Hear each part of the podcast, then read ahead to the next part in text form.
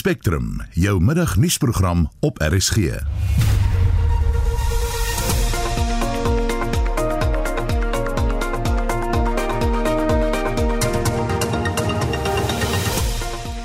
die volgende uur uitleenlopende reaksie op die staatsrede. Therefore, outsourced the responsibility He struck exactly the right chord tonight on the economy and he took it all out of the DA playbook. maar hy het nie na vore gekom met werkbare praktiese oplossings bring absolute normality to the economy and to society as a whole. Ons kry reaksie op die regering se plan om bureaukratiese rompslomp uit te skakel en werkskepping aan die private sektor oor te laat en probleme by plaaslike olieraffinaderye kom onder die soeklig. wêreldwyd is ou energie bronne besig om uitgefaseer te word. Dit is veral koolstofgebaseerde tipe van energiebronne. Die span is Justin Kennerly, Johan Pieterse en ek is Susan Paxton.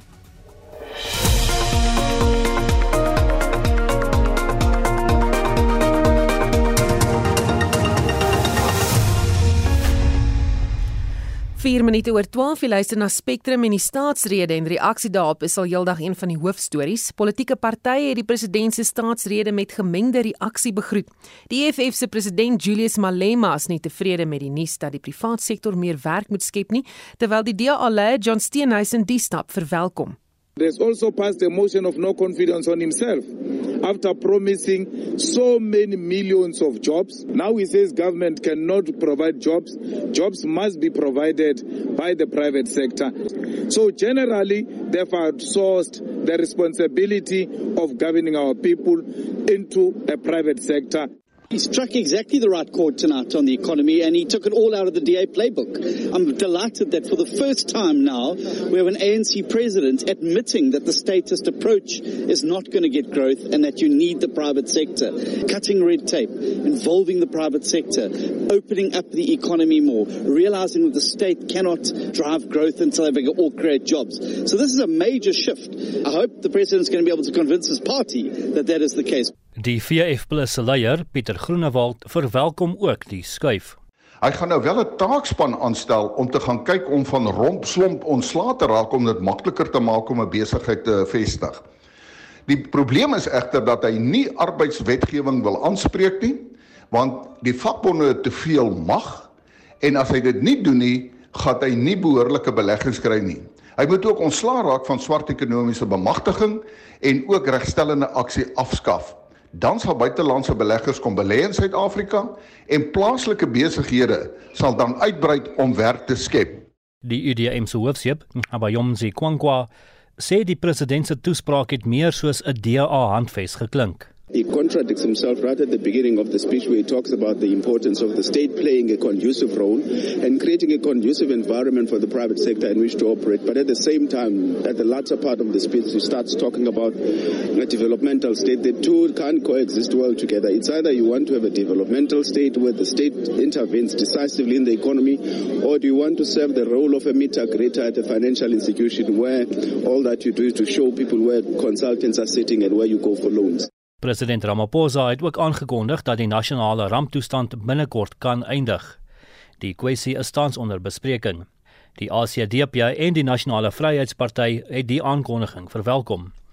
Hier is die ACDP-leier Kenneth Meshwe. We are happy to hear that he is considering ending the national state of disaster. We have been looking forward to that because Parliament has been inactive and the President and his few teams, small team, have been running the country, which obviously we are very unhappy about. But we are delighted that he did acknowledge that Parliament must start operating and doing its work properly. Die NFP se Ahmed Sheikh Imam sê die opheffing van die ramptoestand sal mense se normale lewens herstel. I think it is about time that we do end national state of disaster and bring absolute normality to the economy and to society as a whole. Die Good Party se Brett Aaron het intussen positief gereageer op die verlenging van die spesiale verligtingstoelaag vir werklooses van R350 per maand tot Maart aanstaande jaar. We think it's affordable. One of the top priorities for our country is to make sure that there's a basic income guarantee for those who are unable to access any income for themselves. That has to happen and it can happen within our fiscal envelope. Die IFP-LP, Nkuleko Grengwa, het sy ontevredenheid oor die staatskapingskommissie se verslag uitgespreek. The state capture report obviously does not need much consideration. Suffice to say it must be implemented. And the president in announcing the Nobel plans and the June outer date, there's certain things that he should be doing right now. President Cyril Ramaphosa sê die kabinet aanvaar verantwoordelikheid vir die onluste van Julie 2021. Hy sê die regering sal aandag gee aan al die leemtes soos geïdentifiseer in die verslag van die paneel van kundiges. Die Al Jamaa leier, Gani Vendricks, eis optrede teen die betrokke ministers. The country is not safe. It is so not safe that the president himself came to check out the security at the city hall. Uh, he's got no confidence in the security forces. He's now put the security responsibility in his presidency. So uh, we unfortunately in a situation where there has to be consequential management and those cabinet members responsible, they know who they are, they must fall on their swords. Die staatsrede word volgende week in die parlement gedebatteer. Hierdie verslag deur Mercedes Besent en ek is Justin Kennerly vir SI Garnis. Die Minerale Raad verwelkom die president se eerlike ontleding van die land se ekonomie tydens sy staatsrede gisteraand. Die raad is egter van mening dat die tyd vir praat verby is en al die voorstelle wat gemaak is nou geïmplementeer moet word om die ekonomie te red. 'n Ekonoom van die Noordwes Besigheidsskool, professor Raymond Parsons sê dit is verblydend om te hoor dat die regering besef dat die staat nie werk moet skep nie, maar wel die private sektor. Ons praat nou met hom oor sy indrukke van die staatsrede. Goeiemôre Raymond. Goeiemôre Susan. Dink jy dat alhoewel die president gesê die staat moenie werk skep nie, hy wel die privaat sektor se hande sal losmaak om te kan doen wat hy moet doen om werk te skep en die ekonomie te verbeter? Susan, ek dink ons moet hierdie staatsrede uh, sien as iets wat staan op 'n ander vlak. Want president Ramaphosa was meer opmatig en realisties oor ons sosio-ekonomiese uitdagings wat Suid-Afrika nou vasvat en dit in detail gesê hoe die regering hulle wil benader. Maar die goue draad, Susan, wat deur die staatslede geloop het, was nou hierdie erkenning dat dit is die private sektor en nie die regering nie wat die meeste werk in die ekonomie moet skep. So die hooftaak nou van die regering is dus om 'n beleidsklimaat te skep wat dit moontlik maak vir die private sektor om te floreer, om te belê en om werk te skep. Dis het meeste van die aankondigings in die staatsrede verwys na die rol van die private sektor. Hoe kan dit vergemaklik word?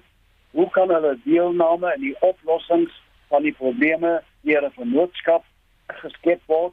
En veral, hoe kan aflewering bespoedig word deur samewerking, groter samewerking en deelname deur die die private sektor? Nee, president het ook 'n tydlyn en spertye aangekondig vir baie van hierdie planne. Dink jy dit is 'n droom of gaan dit werklikheid word? Wel, Susan, ek aanvaar dat die staatspresident is ernstig van doel en wil 'n klemverskywing hê uh in in ons beleidsbenadering. Die toetssteen sal wees soos altyd oor implementering en ek dink dat die belangrike punt wat jy nou gemaak het wat vir my uh uitgelig is is die toepassing van 'n tydsbeperking. 'n Sekere vordering moet moet bereik word 'n sekere tyd. Dit is belangrik. Dit moet afgedwing word met 'n dissipline om geloofwaardigheid en vertroue te versterk. Dis ek dink dit is baie belangrik. Nou dis onvermydelik kyk ons moet aanvaar daar gaan weerstand wees teen hierdie nuwe beleidsrigting gegee ons politieke agtergrond wat ons goed ken dit sal dus ook politieke leierskap en bekwame navigasie verg om dit te hanteer en om implementering te bespoedig. Maar wat belangrik is is dat die gaping tussen wat op 'n hoë vlak gesê en beloof is en wat deur die burgerlike samelewing daagliks ondervind is, moet nie te min vernou word en dit is die belangrike implikasie van wat die staatspresident gesê het. Dan kwessies soos hierdie uh, toelaag, die R350. Uh, wat is die volhoubaarheid van hierdie toelaag wat tot en met volgende jaar Maart betaal sal word en dalk 'n permanente instelling gaan word? Wel ek dink daar's twee aspekte. Ons moet kyk na die korttermyn en ek aanvaar dit is nodig om te sê ons gaan dit verleng. Uh daar daar daar daar is groot armoede, werkloosheid uh op die oomblik en as ons uh, so van 'n sosiale veiligheidsnet kan skep, vir die volgende jaar is dit belangrik. Maar ek dink op ons moet nou kyk na die langtermyn. Wat kan ons doen uh om hierdie ons ekonomie te laat groei om weer, om mense uit wil sien te kry en om werk in werk te kry. En dit is die groot uitdaging vir ons uh, groei strategie en dit is ook belangrik vir die begroting wat oor oor twee weke sal kom. So ek dink ons moet weer sê, kyk, dit is baie belangrik dat ons hierdie ding van die inkomste toelaat binne die raamwerk van ons begroting inpas en daar is 'n verskil tussen wat ons kan doen in die termyn. Daar sal beweegruimte wees in die begroting hoe ons dit sal gebruik sal ons sien, maar in die lange termyn moet ons baie versigtig wees. Wat wat kan ons doen in die lange termyn en ons wil nie almal op welsyn hê nie. Ons wil almal in werk kry oor tyd. Die president het ook die kragprobleme in die land bespreek en gesê hoe daar beplan word om dit op te los. Die mynbousektor sal 'n groot rol speel hier. Um is dit genoeg wat hy aangekondig het? Kyk, ek dink dit is al reeds vordering. Ons wil net uh, dit eintlik bespoedig. Uh sekere sekere filare is nou daar gestel al reeds verlede jaar. Ek dink uh ons het 'n baie goeie hoofuitvoerende beampte by Eskom. Ek dink ons moet net seker maak weer dit kom weer by die implementering risiko's ons moet nou seker maak dat waar ons dissipline gaan toepas wat ons sê gaan gebeur sal gebeur en as jy vertroue wil uitbou is dit nou eintlik die eintlike toets van hoe suksesvol hierdie staatsrede kan wees want dit is op alle vlak dit het albei die vorige dinge bevestig en ook 'n paar nuwe projekte en inisiatiewe bygevoeg. Ek dink dat die president is ernstig, maar hy sou nie swift moet klap as wat hy in sy staatslede gesê het in die realiteit gaan omgeskep word binne die tydperk wat hy nou daar self uh, uitgestipel het. Dan het hy ook gesê die regering aanvaar die verslag wat onlangs bekend gemaak is oor die onrus in die land uh, verlede jaar. Hy het ook planne aangekondig om veiligheid en sekuriteit te verbeter, korrupsie te beveg en dienslewering weer te herstel. Hoe belangrik is hierdie kwessies in die proses om die ekonomie of die ekonomie te laat herleef? Dis alles so saam deel om eintlik vertroue onder beleggers onder die eintlik burger same lewens uit te bou dat ons nou hoop het dat dinge gaan op 'n ander basis gehanteer word dat daar is hoop ons gaan nou dinge beter doen. Dit gaan tyd neem daar's geen daar's geen toerstok hier nie maar die belangrike ding is daar is 'n nuwe rigting maar die ding is om seker te maak dat ons dit omskep in 'n realiteit dat dat daar 'n uitsluitsel is wat oor die volgende jaar selfs oor die volgende paar maande duidelik sal wys dat daar kom veranderings want dit is baie belangrik gegee die vlak van werkloosheid, die lae groei koers. Ons dink ons gaan 1 of 2% groei koers hier ja. Dis wonderlik. Ons is bly om dit te kry. Maar wat sê sekere mense oor 'n uh, hele paar jaar is ons groei ons groei potensiaal maar net 1%.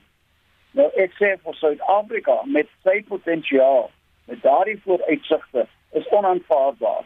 Maar om dit te verbeter, moet ons nou die besluite neem en hulle implementeer. Van hierdie besluite neem tyd. En ek dink wat ons president nou gesê het, hy het 'n mate van dringendheid uh, uh ingespuit in in hierdie hele besluitnemingsproses.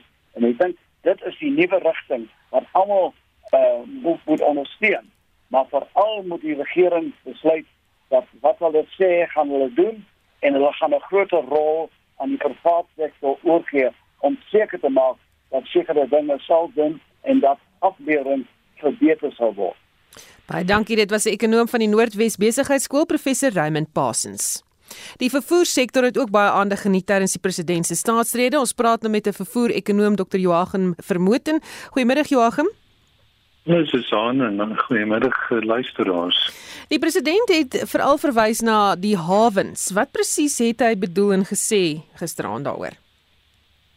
Wel, die funksionering van die hawens is op die oomblik uh, nie voldoende om by die land se behoeftes aan te pas nie. In die eerste plek die uitvoere van ehm um, sekere materiale, ja, uh, minerale, eh uh, uh, spesifiek grootmaat uh, produkte. En en natuurlik uh, is die nie altyd deur allerlei kiber aanvalle onlangs en ook kapasiteit uh, probleme. Eh uh, so al hierdie dinge is eh uh, uh, simptomaties. Uh, Daar's hele paar hierdie simptome wat eh uh, uh, daarom geïdentifiseer is. Eh uh, spoorweë is dieselfde. Eh uh, maar eh uh, op die uiteinde sal die onderliggende ekonomiese eh uh, probleme uitgesorteer moet word en nie die nie nie die simptome gehanteer moet word nie. Mm. Hy het soos jy nog sê het gepraat oor Transnet, um, die beskadiging van die spoorvervoer infrastruktuur is ook iets wat hy genoem het wat aandag moet geniet. Jy weet, eh, wat is die rol wat die die privaat sektor hierin gaan speel? Wel, uh, daar word verwag dat daar meer 'n groter rol uh, uh, toegestaan sal word van die privaat sektor. Ek dink ons het in die moontlikheid geraak deur die staat wou probeer dat die staatsondernemings die leiding neem om die ekonomie te groei. En uh, dit is klaar baie duidelik dat dit nie moontlik was nie. Ehm um, so ten minste word daar voorsiening gemaak vir 'n groter rol vir die private sektor, maar ons sal 'n hele groot stap van deregulering moet deurgaan uh om normale markkragte te laat werk. Hmm. Met dit gesê, hy het ook byvoorbeeld genoem dat daar brûe gebou moet word sodat die gemeenskappe weer, jy weet, eh, kan kom waar hulle moet. En hy het gesê die weermag gaan 'n groot rol speel daarin om hierdie brûe te bou. Ehm um, wat word dan nou van die private sektor se betrokkeheid? Wel, eh uh, jy weet die private sektor kan nie alles van niets af doen nie. My opleidingseenheid, 'n spesiale diensbataljon in Bloemfontein, is juis geskep om eh uh, mense op te lei in aanbagte en so aan en op die uiteinde het dit die leidende panserelement van Suid-Afrika geword. So, ek is heeltemal positief ingestel teen opsigte van die basis om uh jong mense op te lei uh sodat hulle op die uiteinde een of ander meer en iets soos uh, pakmanne waarvan ons 'n groot tekort het in Suid-Afrika is hy nie besig om die wiel te herontwerp met al hierdie voorstelle nie want hierdie entiteite waarvan hy gepraat het ons hawens die spoorweë het op 'n stadium goed gefunksioneer. Ja, maar dit is ander omstandighede en ek dink ons met kennis dra dat die ekonomiese beleid op die oomblik is verskillend. Dit sluit sekere uh individuele uit en ehm uh, uh, uh, dit sluit uh, sekere rasse in in opsigte van die verkryging van uh, belange. So wat dit op die uiteinde doen is dit neem 'n groot mate van entrepreneurskap weg uh van kleiner en groter koöperasies uh van die denke is anders gebaseer as om iets van iets af te begin. Baie dankie. Dit was die vervoer-ekonoom Dr. Joachim Vermoten. 23 minute oor 12 jy luister na Spectrum. Die amptelike renosterstropery statistiek is vroeër bekend gemaak. 451 renosters is in 2021 in die land gestroop. 327 is in nasionale parke gestroop en 124 op reservate in privaat besit. Die minister van bosbou visserry en omgewingsake Barbara Krisi sê hoewel daar 'n 24% afname in stropery gevalle was was daar 'n toename in stropery op private reservate. Ons praat nou met Bonnie de Bot die vervaardiger van die dokumentêr stroop Goeiemôre Bonnie. Goeiemôre Susan. Jou reaksie op die jongste stropery statistiek. Ja, weet jy, die die departement wat die syfers bekend maak en terselfdertyd sê dat daar 'n voor-Covid afname is en dat renosters in privaat besit nou geteken word as gevolg van hul pogings binne ons nasionale nalaatparke is 'n baie interessante uitkyk. Kyk, natuurlik, ons daar moet gesê word daar word baie goeie teenstropingswerk werk in die Kleurwiltuin gedoen.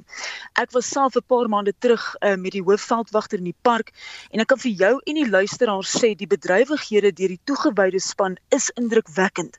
Maar die realiteit Susan is daar eenvoudig net minder renosters in die park oor is om te stroop. So dis van selfsprekend dat hierdie syndikaate nou elders gaan beweeg. Uh die verlies aan renosters in die park self is vernietigend. Daar is uh, werklik waar nie eintlik 'n ander beskrywing daarvoor nie. Daar's duisende minder renosters in die park as 10 jaar gelede. Africa Geographic, hulle raam die verlies aan renosters in die wildtuin op 75%. En selfs Sanparks se waarnemende uitvoerende hoof, Dr. Lutando Deziba, het aan Daily Maverick gesê daar's waarskynlik minder as 3000 renosters in die park oor. So vir my is dit 'n bevestiging van die dramatiese afname in getalle. So om saam te vat Ons word gesê min of meer 400 renosters wat gestroop is. Dis 'n afname. Dis positief.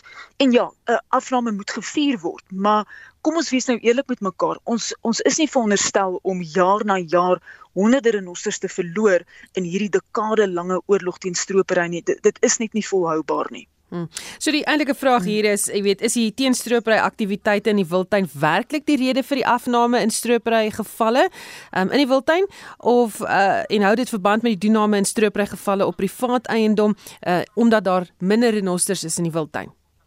Wel dis absoluut minder renosters in die wildtuin en en dit is hoekom hierdie syndikaate nou elders gaan kyk waar dit waar daar maklike teikens is soos privaat uh privaat plase. 'n kommerwekkende neiging uh, is dat die departement nie 'n voorstander is van die uitreiking van die getal lewende renosters in die Kreet Wildtuin aan die publiek nie. Hulle het dit altyd vroeër gedoen. Uh, jy weet self, hulle het pers uh, perskonferensies gehou. Ons joernaliste kon daar sit en en die vrae vra. Nou kan ons dit nie meer doen nie. Dit word op hulle webtuiste net vrygestel.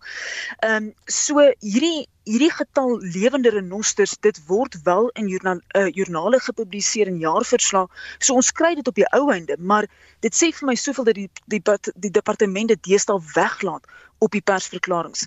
As ons gaan kyk na die algehele bevolking, kyk die IUCN se Afrika renoster spesialisgroep, hulle stel verslae saam van die renostergetalle in lande waar renosters nog voorkom.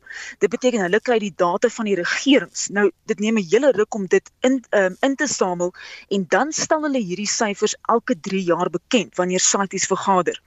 Uh CITES is nou die konferensie waar lande bymekaar kom om die handel in wilde diere te bespreek. Die laaste CITES vergadering was in 2019. Daar's toe gesê dat daar so wat 18000 wit renosters in Suid-Afrika is. Ons weet daar's baie minder. Die bekommernis is, kom ons hou in gedagte, dis in 2019 vrygestel. Dis 3 jaar terug. En dit word gebaseer waarskynlik op die sensustellings van 2018. So ons wil renosters bestuur soos aan op grond van amptelike syfers wat al 4 jaar oud is. Ehm um, Pelham Jones van die private renoster eienaarsvereniging Proua, hy het vanoggend vir my gesê dat in 2020 hulle die nasionale telling op so rondom 12000 geraam het met meer as halfte van daai renosters in privaat besit. Hm. Baie dankie. Dit was die vervaardiger van die dokumentêr Stroopbonney debat. Die groot aantal robbe wat aan die Kaapse kus uitgespoel het en gevrek het, is weens en is dood weens verskeie faktore waaronder wanvoeding. Dit is pas in 'n verslag bekend gemaak deur die Departement van Bosbou, Visserye en Omgewingsake, tesame met die Staatsveearts en die Nasionale Dierebeskermingsvereniging. Dit is die grootste massa-vrektes van robbe sedert 1994 en ons praat nou met 'n senior inspekteur van die NDBV, Jaco Pieterse. Goeiemôre Jaco. Goeiemiddag, baie baie dankie. Net 'n korreksie, ek is van die Kaap, die Goeie Hoop DBV, nie van die NDBV nie. Ah, oh, skus tog daaroor. Uh wat het die verslag bevind? Waar het al die robbe gevrek? So op die stadium waarna die verslag verwys is wanvoeding. Ehm um, so dit beteken maar dit is nie 'n 'n conclusion of conclusive uitkoms vir dit nie, maar op op die stadium wanvoeding en dan ehm um, moontlike biotoxin vergiftiging en waarna hulle gekyk het as ook na ehm um, hondesiekte waarvoor hulle ook getoets het. Maar ongelukkig die verdere toetse het nog geen ehm um, positiewe resultate vir ons gegee nie. So weet ons nie regtig eintlik wat gebeur het nie. Op die stadium nie die die die enigste ding is die wanvoeding. Hmm. So wat gaan met hierdie inligting gemaak word nou? Die departement as ook die DDC en ander ehm um, mense wat betrokke en organisasies betrokke is, is besig om die verdere um, informasie wat ons het te analiseer en sodat ons nog robbe kry gaan verdere toetse gedoen word en hopelik kan ons dan 'n konkrete antwoord kry oor wat die probleem is. Baie dankie. Dit was 'n senior inspekteur van die Kaap te Goeie Hoop DBV, Jaco Pieterse.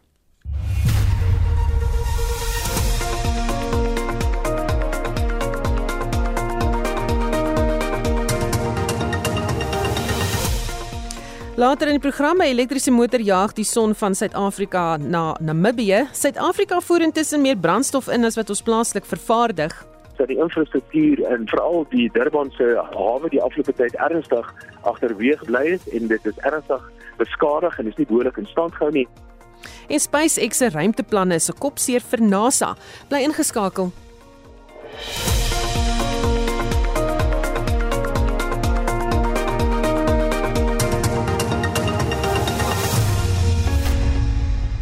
Is son-aangedrewe motor wat deur die Tshwane Universiteit van Tegnologie se fakulteit vir ingenieurswese en bouomgewing gebou is, het pas sy eerste rit van Pretoria na Swakopmund in Namibië voltooi. Die Sunchaser 4, soos wat die voertuig bekend staan, het die net meer as 2100 km van dorp na dorp op snelweë aangedurf. Ons praat nou hieroor met Dr. Tiaan Oosthuizen van die Universiteit se Departement Mega Meganiese en Megatroniese Ingenieurswese. Sjoe, groot naam. Goeiemôre Tiaan. Goeiemôre, goeiemôre. Uh het die rit na verwagting verloop? Ja, nee, verseker, ongetwyfeld. Ek dink dit het eintlik ons uh, verwagtinge oortref. Ehm um, deur 'n paar faktore fenominale energieverbruik, resultate van die voertuig, ehm um, as as ook die die die die hoeveelheid belangstelling wat ons deur die publiek en skole gekry het. En uh, dit was dit was regtig dit ons ehm um, verwagtinge oortref. So presies, hoe werk die motor? Is dit anders as ander e-, elektriese voertuie? Ja man, kyk, hierdie is ook eintlik net 'n toetsplatform. Wat ek bedoel daarmee is is nou nie ontwikkel om noodwendige tradisionele voertuig te vervang nie. Dis maar 'n een sitplek. Dis meer 'n platform om stukke tegnologie wat ons ontwikkel in huis deur die studente en die staf te kan toets op. Um en dit is 'n bietjie anderste ook want tradisionele elektriese voertuie dalk soos soos die vervaardigers uitbring uh oor see en en in 'n paar lokaal, uh, sit die motor uh, die elektriese motor eintlik essensieel en hy hy dryf twee wiele aan amper soos 'n gewone kar daar's net nie uh, altyd 'n radkas nie. Waar ons in 'n bietjie anderste is om daai om daai ehm um, verliese uit te skakel daai meganiese verliese van al die komponente uitskakel sit ons die motor binne in die wiel. So dit is so bietjie anderste as jou jou tradisionele uh, elektriese voertuie. As dan nie 'n radkas is nie ry dan met ander woorde van Pretoria na Kaapstad in eerste rad ja, ja, omtrent so. Kyk, die dit is dit is maar die dit is die natuur van 'n motor, van 'n elektriese motor. Jy het al daai torsie en al daai krag beskikbaar van wegtrek af. Ehm um, as ook jy kan die hele spoed ehm um, uh die, die speed range, jy kan die hele spoed uh grens wat jy kan doen met die voertuig kan jy kan jy in een rad doen. So jy het nie nodig om radde te verwissel nie. nie. Hm, klink my nou 'n lekker kar. Die Sunchaser 4 is 'n verbetering op die Sunchaser 3 wat in 2018 die eerste plek nasionaal en 'n vierde plek internasionaal behaal het vir solar elektriese motors. Jy het nog sê so hier en daar, maar wat is alles op hierdie voertuig verbeter dan? Ja, so dis hoofsaaklik drie areas natuurlik baie meganiese en e, elektromeganiese stelsels wat verbeter, maar maar ons ons verbeter altyd in drie hoofareas, dis die aerodinamiese vorm van die kar. En en om 'n idee te gee, ons huidige weergawe is is uh die die die terugwaartse krag wat inwerk as jy deur die lug ry is omtrent 5 keer minder as jy tipiese motorfiets met 'n persoon op die motorfiets wat ry en omtrent die helfte van 'n tradisionele voertuig of dalk 3 keer minder. Dan die rolweerstand van die wiele is ook baie belangrik, die wiele op die pad. Ehm uh, dis heel wat minder as tradisionele tradisionele uh, voertuie en ook ons gebruik keramiek laars of of bearings. As, ek dink meeste sal bearings verstaan. Ons het keramiek bearings wat ons gebruik en spesiale briekkonstruksies wat uh seker maak dat die wiel kan rol sonder om aan iets te raak.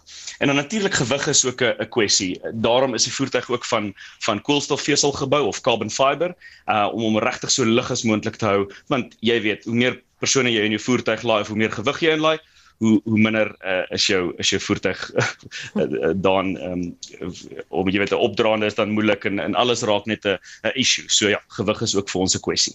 Goed, dit was ook vir julle belangrik om op die rit kinders oor hernubare energie te onderrig.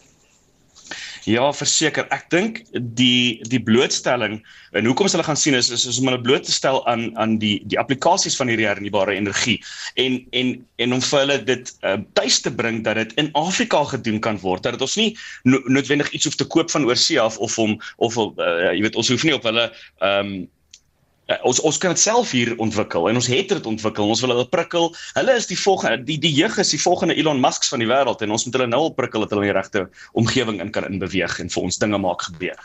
Ek praat daarvan hoe lank nog voor ons almal elektriese of solar aangedrewe motors ry. ja, kyk, so natuurlik in Suid-Afrika het dit al so bietjie begin gebeur van die groter ehm um, voertuigmaatskappye het nou al een of twee voertuie, maar hulle is redelik onbekostigbaar duur. Vir die besparings wat jy kry, sou ek sê dis nog nie die moeite werd nie.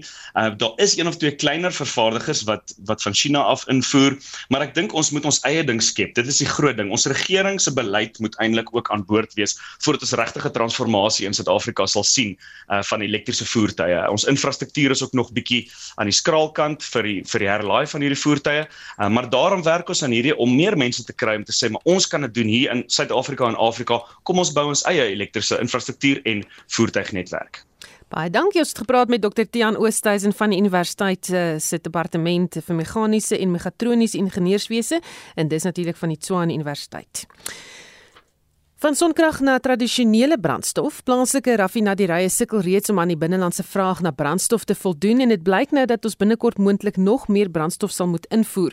Dit nadat die oliemaatskappye Shell en BP aangekondig het dat bedrywighede by die Sampref raffinaderry in Durban in KwaZulu-Natal onbepaald sal sluit.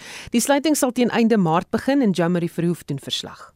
Die hoofekonoom van die Efficient Groep, Dawie Rood, sê daar's verskeie redes waarom die raffinaderry nie meer winsgewend is nie. Ek dink die konteks is baie belangrik om te verstaan en die konteks is eenvoudig dat wêreldwyd is ou energie bronne besig om uitgefaseer te word. Dit is veral koolstofgebaseerde tipe van energiebronne, goed soos byvoorbeeld gas en olie en steenkool En in baie van hierdie gevalle is die projekte of die aanlegte nie behoorlik in stand gehou nie, wat in hierdie geval ook die geval is.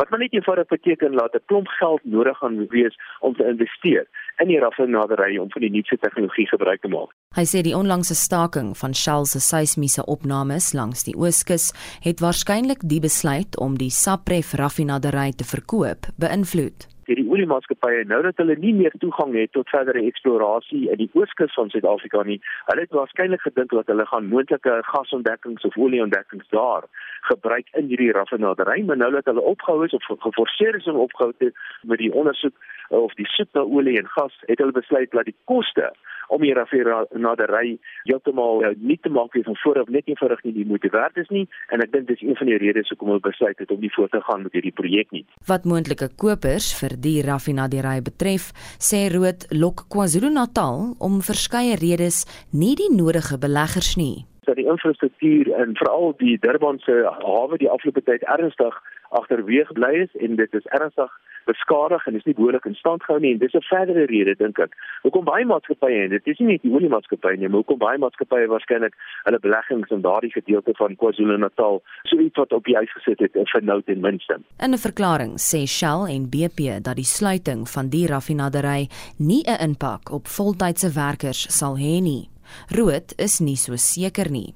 Hoewel hy sê daar nie 'n merkbare verskil aan brandstofpryse sal wees nie, gaan die ekonomiese impak van die sluiting verrykend wees. Indien hierdie raffinaderry toegemaak word, dink ek nie dit gaan veel van 'n impak hê op Suid-Afrika se petrolprys nie of brandstofprys oor die algemeen nie. En die rede daarvoor is omdat ons 'n gereguleerde brandstofprys in Suid-Afrika het. Maar dit beteken nie dit gaan ons vat nie raak nie, dit gaan ons nog steeds raak want baie waarde toevoeging word vind eintlik tans in Suid-Afrika plaas soos wat ons natuurlike produkte soos olie en gas omsit in brandstof. Dit gaan nou nie meer gebeur nie so ons ekonomie gaan beïnvloed word en natuurlik gaan ons potensieel 'n klompie werksgeleenthede verloor ook. Suid-Afrika is egter nie alleen nie Wat ook baie interessant is, is dat die wêreld op 'n of ander manier nou tussen twee wêrelde staan. Ons staan tussen die ou wêreld en energiebronne soos byvoorbeeld steenkool en olie en dies meer en in baie gevalle is daar nie voldoende geïnvesteer in daardie tipe van energiebronne nie. Terselfdertyd probeer die wêreld oorbeweeg na meer hernubare tipe van energiebronne soos sonkrag en windkrag en dies meer en die wêreld het nog nie voldoende geïnvesteer in hierdie nuwe bronne nie. En tussen hierdie oorgangsfase bevind die wêreld homself nou in 'n baie wisselvallige en 'n wêreld van baie wrywing en dit is een van die redes hoekom ons wêreldwyd sien dat energiepryse baie hoog is op hierdie stadium. Energiepryse soos oliepryse is baie hoog, gaspryse, elektrisiteitspryse en dis meer. En ek dink ons gaan 'n periode nou binde. Soos ons oorbeweeg van die een basiese energiebron soos die ou energiebronne na nuwe meer uh, aanhaalbare energiebronne, dat ons waarskynlik baie wisselvalligheid in energiepryse oor die volgende klompie jare wêreldwyd gaan waarneem. So sê die hoofekonoom van die Efficient Groep, Dawie Rood. Ek is Jean Marie Verhoef vir SAK nuus. In 'n poging om die Suid-Afrikaanse Poskantoor uit sy finansiële penarie te red, het die voormalige bestuurshoof van die Poskantoor, Mark Baans, die regering met 'n aanbod genader. Baans sê hy stel voor dat hy 'n konsortium sal lei wat minstens 60% van die Poskantoor by die regering sal uitkoop. Esie de Klerk het meer besonderhede. Baan sê hy het in Oktober verlede jaar 'n aanbod aan die regering gemaak dat hy en 'n konsortium 'n meerderheidsgedeelte van die poskantoor sal koop. Ten minste 60%, maar nie meer as 75% nie. Hy sê die koopprys moet deur die ouditeur-generaal bepaal word volgens die netto batewaarde van die poskantoor minus die huidige waarde van die voorspelde verliese. It's very difficult otherwise to value a company which hasn't got positive earnings. So I'm saying, what is the value of the asset? And from that value, we need to deduct the present value of future forecast losses. Because as you know, the post office is looking for capital over the next few years to fund losses. So you have to have a fair price, which essentially dealt with the part, so that you could use that as a foundation to build the future. Volgens Baans hou die ooreenkoms 'n beduidende voordeel in vir die poskantoor oor die volgende 3 jaar. So we're in low cost debt on the basis that that either can get repaid over a period of time or it can convert into more shares if it's unable to be repaid. So it's kind of up to the post office to succeed. If the post office succeeds, it repays the debt. And if the post office is unable to repay the debt, then the consortium gets a bigger stake going forward. And so it's kind of a bridge between the earnings shortfall that they've got now and the earnings we anticipate we'll be able to earn out of. Die ooreenkoms bepaal ook dat werknemers die eerste keer beloon sal word met aandele in die poskantoor. 'n Voordeel, sê Baans, wat nêrens anders in die land in 'n staatsonderneming aan werknemers gebied word nie. It's a brand new way of thinking, and I think it's the way we need to think about the future in our country. If we want to talk about meaningfully crossing the inequality divide, we need people to be able to accumulate capital growth assets. First point. Second point, when a company is struggling to get positive running yield in its earnings, you need to be able to incentivize employees for a longer term return where they participate in their hard earned work in the beginning and perhaps aren't getting paid as much as they would in an alternative structure where we simply can't afford to pay them, but we build something together and they don't lose out on that. And so I think having a postman owning it, however small, a, a vested interest in the future of the post office brings about a cultural vested change of attitude and purpose. Baan sal as die bestuurshoof aangestel word vir 'n tydperk van 3 jaar om die proses glad te laat verloop. Om te verseker dat die poskantoor steeds kan funksioneer as deel van die regering, moet die regering tussen 25 en 40% aandele in die poskantoor behou. Baans verduidelik wat die planne met die poskantoor se posbankdiens is. Don't know of a post office anywhere around the world that hasn't got access to the national payments. So the purpose is not initially to necessarily lend out money. That's not the purpose of having the, the bank inside the post office. We need access to the national payment system so that we can transact financial transactions at a post office. That means including collecting your social grant. That means including paying customs or paying for your license, e-commerce parcel that's just arrived. You have to be connected to the national payment system. For example, I would like to see a world where social grants aren't fully drawn up front and carried around in cash on people, not earning money and at risk. You need to be able to leave your social grant safely in a bank and you need to be able to draw what you want today and don't draw but next week when you need that. And money should live inside machines, not inside pockets. In April verlede jaar is meer as 1800 werknemers van die poskantoor die trekpas gegee as deel van 'n herstruktureringsstrategie. Maar die ouditeur-generaal het verklaar dat die entiteit kommersieel bankrot is. Baan sê hy glo die konsortium kan die poskantoor weer op sy voete kry.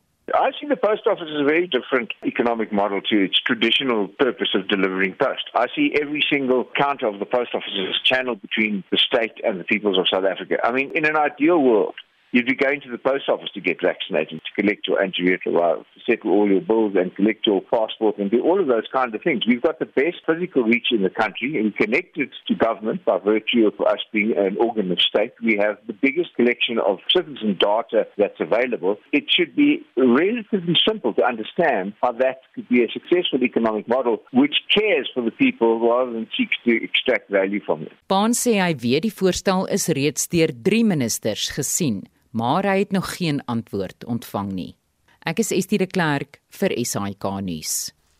Elon Musk se lugvaartagentskap SpaceX wil 30000 satelliete in die ruimte lanseer as deel van die maatskappy se Starlink breëband internetprojek. Die Amerikaanse ruimteagentskap NASA is egter bekommerd oor die implikasies hiervan op reeds bestaande ruimteprojekte. En vir meer hieroor praat ons nou met Dr Pieter Kotse, buitengewone professor by die Noordwes Universiteit se Sentrum vir Ruimtenavorsing. Goeiemôre Pieter. Daar sê jy daar Pieter. Ek het hier ja praat gewoon ek het reg reg so. Kom ons begin by waar presies NASA bekommerd is. Kyk NASA is natuurlik uh, baie bekommerd oor hierdie toename in uh, soort as jy satelliete in 'n laabaan uh, traject. Dit is 'n die satelliete beweeg ongeveer 500 km bo kan die oppervlak van die aarde.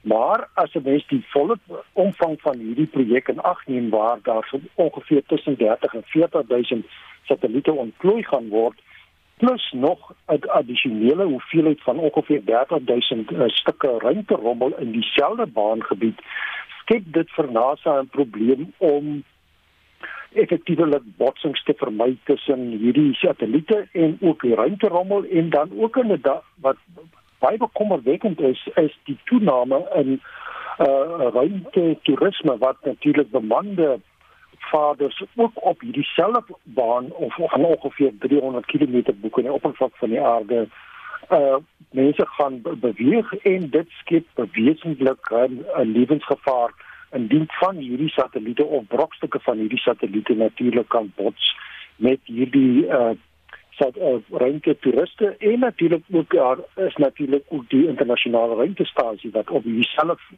uh, baan funksioneer en dit skep 'n addisionele gevaar om potensiële botsings te vermy. Wat wil SpaceX met 30000 satelliete in die ruimte maak? Kyk, hier is eintlik 'n konstellasie van uh, satelliete wat uh, op funksioneer op 'n hoogte van ongeveer 500 km en die hoofdoel van Elon Musk se SpaceX maatskappy is om internet toegang te verleen aan die verste uithoeke van die aarde waar dit op die oomblik glad nie moontlik is om internet toegang te kry nie. Dink maar byvoorbeeld aan 'n plek diep in die Kalahari woestyn waar daar vandag geen internet toegang is nie en die potensiaal wat dit het byvoorbeeld met afstandonderrig om dit na plekke te bring wat nie voorheen bereikbaar was nie. Maar natuurlik hierdie dit kom met 'n prys, dit is nie verniet nie. Dit uh, werk op dieselfde beginsel as byvoorbeeld DStv of hierdie inskrywingsfooie uh, wat 'n mens moet betaal en dan natuurlik afhangende van die snelheid van en toegang wat 'n mens nodig het, gaan die prys natuurlik verder op. Op die oomblik is dit ongeveer 500 dollar per maand vir die hoogste spoed van toegang tot uh, hierdie uh, konstellasie van uh, die uh, Starlink uh, internet uh, projek. So daar's voordele hieraan.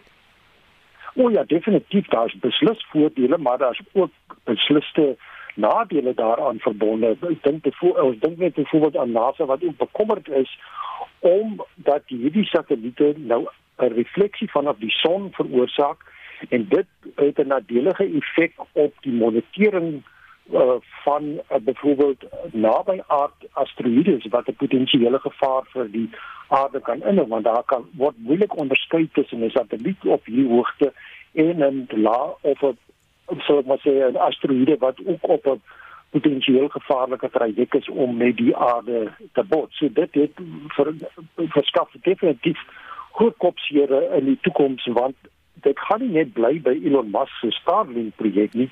Daar is ook byvoorbeeld die OneWeb en Amazon wat ook beplan om soortgelyke konstellasies in die volgende 3 jaar te lanseer en dit gaan die totaal van uh, hierdie sat, internet satelliete opstoot na ongeveer 100 000 nie teen ongeveer 2025. So dit maak dit aansienlik uh, problematies om effektiewelik monitering te doen en natuurlik moet ons ook dink aan die SKA projek wat hier in die Noord-Kaap uh, uh, van stapel gestuur is en wat staat maak op skoon radiosyne vanuit die buitenste ruim en hierdie uh, satelliete of sommige van hulle funksioneer presies in 'n bandwydte op 'n golflengte wat kan uh, veroorsaak dat die akkuraatheid van die metings op uh, van die SKA dramaties gaan versleg. Hmm. Baie dankie. Dit was Dr Pieter Kotse, buitengewone professor by die Noordwes Universiteit se Sentrum vir Ruimtenavorsing. Die sake nuus word aangebied deur Kobus Huisamin van Sanlam Private Welvaart in George. Goeiemôre Kobus.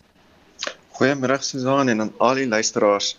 Wêreldmarkte is 'n see van rooi nadat Amerikaanse inflasie in Januarie op 7.5% gekom het. Hierdie lesing was ver bo verwagtinge en die hoogste jaar-tot-jaar stygings in verbruikerspryse sedert 1982. Sentiment word verder gedemp deur opmerkings deur federale bankamptenare wat skerp stygings in rentekoerse teen Junie vanjaar verwag. In Europa is die FTSE 100 0,88% laer en die DAX in Frankfurt is 0,78% laer. Die Amerikaanse termynmarkte verhandel tans ook laer wat tot 'n laer opening dui later vanmiddag. Plaaslik volg die JSE wêreldmarkte laer met die JSE tans 0,88% laer met die algemene indeks op 75910. Verliese is breedvoerig met veral hulpbronne en industriële maatskappye wat swaar trek. Omset vir die dag staan op 6 miljard rand kyk ons na die SIP-indekse, die finansiële indeks is 0,41% laer, die nywerheidsindeks is 1,36% laer en die hulpbronne indeks is 1% laer. In korporatiewe nuus, British American Tobacco het voorlopige resultate vir die jaar geëindig 31 Desember 2021 bekend gemaak waar inkomste met 6% gegroei het. Die maatskappy het ook aangekondig dat hulle vanaf 14 Februarie 2022 aandele gaan terugkoop ter waarde van 2 miljard uh, pond. Die aandeleprys verhandel 1,8% laer teen R675. Bidwest het in 'n handelsverslag bekend gemaak dat hulle hulle verdienste tussen 35% en 40% hoër verwag. Die maatskappy beoog om op 28 Februarie 2022 halfjaarresultate bekend te maak. Die aandeleprys verhandel 10,3% hoër teen 218 en 73 sent. Onder die wenners staan Bitwest uit, sowel as Anglo American Platinum wat 4,44% hoër verhandel teen 1933. Onder die verloders is Prosus 3,5% laer teen 1190 en 24 sent. En BHP Group Limited is 2,28% laer teen R520.50. Die rand is sterker teenoor die meeste wisselkoerse nadat gisteraand se staatsrede goed ontvang is deur ekonome en analiste. Die rand is tans R15.13 teenoor die Amerikaanse dollar, R17.24 teenoor die euro en R20.52 teenoor die Britse pond. Eindig ons met die hulpbronne. Goud verhandel teen 1826 dollar per fyn ons. Platinum verhandel teen 1031 dollar per fyn ons en Brent ruolie teen 91.89 per vaatjie. Daarmee dan vandag se sake nuus. En dit is aangebied deur Kobus Huisamin van Sanlam Private Welvaart in George. In sy teaterrubriek praat Frans Swart oor Nêrens Noord-Kaap en The Life and Times of Michael Kay. J.M. Kutsie se Life and Times of Michael Kay het sy Suid-Afrikaanse premier by die Baxter Theater in Kaapstad op 28 Februarie en speel deur tot 19 Maart nadat dit verlede jaar as gevolg van COVID-19 uitgestel moes word. Die produksie is vir die verhoog verwerk deur Lara Foot Newton wat ook die regie beheer. Hierdie produksie word as die grootste en uitdagendste produksie beskryf wat teater in die laaste paar jaar aangebied het en het meer as 2 jaar se beplanning geverg. Lara Foot Newton span vir die eerste keer kragte saam met die Handspring Puppet Company wat natuurlik Suid-Afrika op die kaarte geplaas het met War Horse. Die rolverdeling is Sandra Prinsloo, Andrew Buckland, Vanishwa Yisa, Craig Liu, Roshina Ratman, Carlo Daniel en ander. Hierdie produksie het sy premier in Duitsland in November 2021 gehad in die Düsseldorfse teater. Internasionale resensente het die produksie baie hoog aangeskryf. Janie Moorman en Helene Bester doen 'n spesiale Valentynskonsert by die Pierneef Theater op 13 Februarie. Die suksesvolle verhoogproduksie Nêrens Noord-Kaap open by die Boer Theater op 1 Maart. Albert Pretorius, een van die akteurs in hierdie produksie, sê dat Nêrens Noord-Kaap eers as verhoogproduksie gedebuteer het. Nico Skeepers wat die skrywer is en regie behartig het, het voor dit 'n toneelstuk gedoen met die naam Amper Vrystaat wat gegaan het oor drie sissies. En toe wou hy ook 'n toneelstuk maak met drie boeties en dis toe Nars Noord-Kaap gebore is en gelukkig het die woordfees aan boord gekom en toe het ons by die Vrystaat Kunstefees gedebuteer. En toe gaan Nars Noord-Kaap televisie toe. Die idee was altyd half daar dat dit nog 'n goeie reeks sou maak. En Nico het toe met vervaardigers gepraat en hulle het die toneelstuk gekyk en gedink, "Jog, maar dis ook 'n goeie idee." En toe maar deur al die regte kanale gegaan en goed en ja, te kry ons 'n groen lig en toe word dit 'n uh, 'n TV-reeks. Pretoria sê dat hulle baie opgewonde is dat hulle weer terug gaan teater toe. En nou is ons terug by planke. Dit voel soos amper 'n leeftyd terug. En nou gaan ons weer 'n toneelstuk doen en Natuurlik, as jy 'n TV-reeks maak, daar's meer tyd en daar's meer episode en dis tegnies omtrent 13 ure is 'n storie versus 'n toneelstuk wat in 'n uur afspeel. So daar's baie meer details in die TV-reeks en maar ook baie ander klein goedertjies in die toneelstuk. Wil nie te veel weggee, maar daar's uh, sekere van die kleiner karakters is heeltemal anders in die toneelstuk as in die TV-reeks en vice versa. Hy sê dat die skrywer Nico Skeepers die skepper is van Nêrens Noord-Kaap. Nico het een aand om 'n vuur gesit in Limpopo en hy het aan sy pa gedink en hy het gesê hy wil graag 'n storie vertel oor seuns en hulle paas. Ek dink Nico is ongelooflik talentvol en wat hy baie goed reg kry is hy kan 'n storie ongelooflik goed vertel en die manier hoe hy skryf is baie visueel. As jy sy teks lees, dan kan jy die prentjie sien wat hy probeer skep. Albert Pretorius oor die verhoogproduksie nêrens Noord-Kaap. Terrence McNally se ikoniese produksie Love, Valor, Compassion speel nog by die Opera Huis van Kunste Kaap in Kaapstad. Daar is 'n ekstra vertoning Sondagmiddag om 0.30 geskeduleer. Teaters en kunstefeeste is besig om weer na normaal terug te keer. Ondersteun asseblief 'n teater naby jou. Stuur gerus ook jou teaternes aan frans@lefra.com. Lees meer by www.teaternes.co.za of gaan like ook ons Facebookblad Teaternes. Dit was Frans Swart met sy teaterrubriek.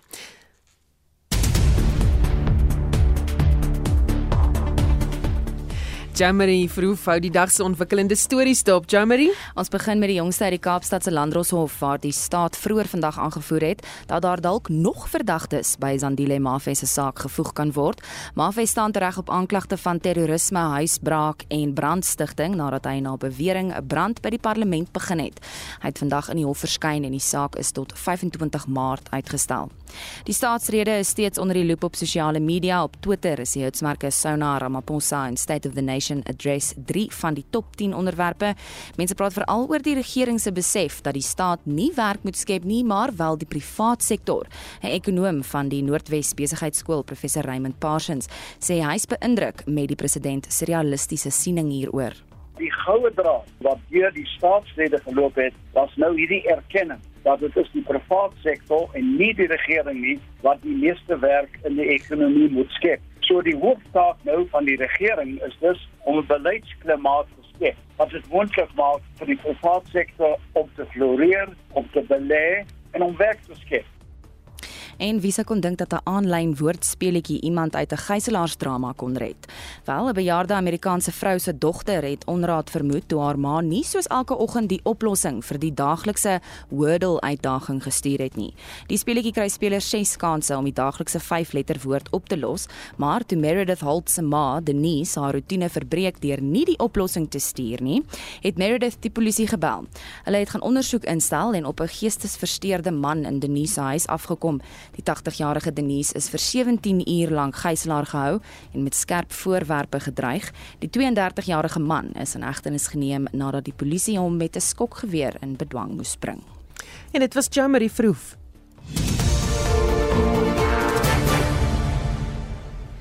En daarmee groet die Spectrum span vir die week. Onthou om ingeskakel te bly vir 360 net hierna. En my naam is Susan Paxton. Geniet jou naweek.